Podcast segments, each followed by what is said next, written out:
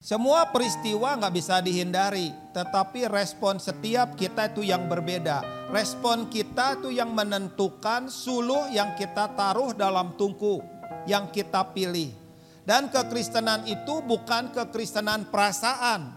Kekristenan di mana setiap kita tergantung kepada perasaan yang menguasai. Tapi kekristenan yang harus kita tahu, kekristenan sejati itu adalah kekristenan di mana setiap kita taat kepada firman kebenaran firman.